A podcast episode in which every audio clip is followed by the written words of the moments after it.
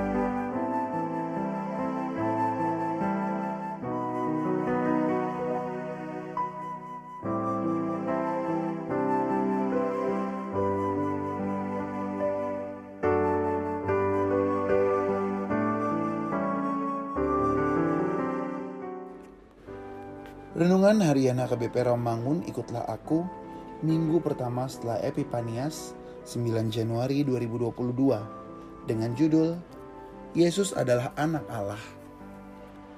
Kebenaran firman Tuhan yang menjadi ayat renungan kita hari ini tertulis dalam Lukas 3 ayat 15 sampai 17 dilanjutkan ayat 21 sampai 22 yang berbunyi Tetapi karena orang banyak sedang menanti dan berharap dan semuanya bertanya dalam hatinya tentang Yohanes kalau-kalau ia adalah Mesias. Yohanes menjawab dan berkata kepada semua orang itu, Aku membaptis kamu dengan air, tetapi ia yang lebih berkuasa daripadaku akan datang dan membuka tali kasutnya pun aku tidak layak. Ia akan membaptis kamu dengan roh kudus dan dengan api. Alat penampi sudah di tangannya untuk membersihkan tempat pengirikannya dan untuk mengumpulkan gandumnya ke dalam lumbungnya tetapi debu jerami itu akan dibakarnya dalam api yang tidak terpadamkan. Ia menyampaikan perintahnya ke bumi, dengan segera firmannya berlari. Ketika seluruh orang banyak itu telah dibaptis dan ketika Yesus juga dibaptis dan sedang berdoa, terbukalah langit. Dan turunlah roh kudus dalam rupa burung merpati ke atasnya, dan terdengarlah suara dari langit. Engkaulah anakku yang kukasihi, kepadamulah aku berkenan. Demikian firman Tuhan. Seruan pertobatan yang disampaikan oleh Yohanes Pembaptis telah mendahului baptisan yang dilakukan kepada Yesus. Yohanes telah menyiarkan seruan pertobatan. Setelah itu tampillah Yesus untuk memberikan dirinya dibaptis. Walaupun Yesus dibaptis sebagaimana orang lain juga menerima baptisan Yohanes, namun dapat dilihat bagaimana peristiwa pembaptisan ini adalah suatu pernyataan pribadi Yesus. Ia merendahkan diri di hadir di antara orang berdosa. Tetapi Tuhan meninggikannya dari sorga dan menyatakan kuasanya.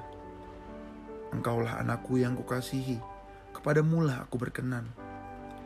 Yohanes menyatakan bagaimana agungnya dia yang akan datang setelahnya. Sekalipun ia harus menjatuhkan harga diri untuk membuka tali kasutnya pun, ia tidak layak. Dia akan datang dengan baptisan roh dan api dan alat penampi sudah ada di tangannya.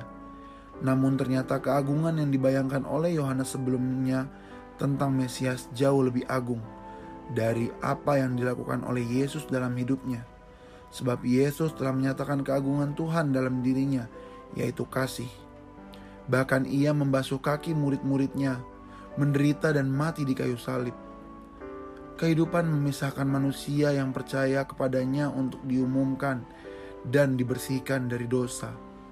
Bagi orang percaya, roh Tuhan ada pada kita yang dicurahkan supaya dalam kehidupan kita tetap menyala-nyala api yang memberikan semangat, sukacita untuk sebagai anak-anak Allah. Yesus berkenan hadir dalam diri kita, suatu kuasa yang besar dari sorga untuk diri kita. Marilah kita berdoa. Terima kasih ya Tuhan untuk keselamatan yang telah Engkau nyatakan melalui kelahiran Yesus Kristus ke dunia ini, yang membawa damai sejahtera bagi semua manusia. Amin.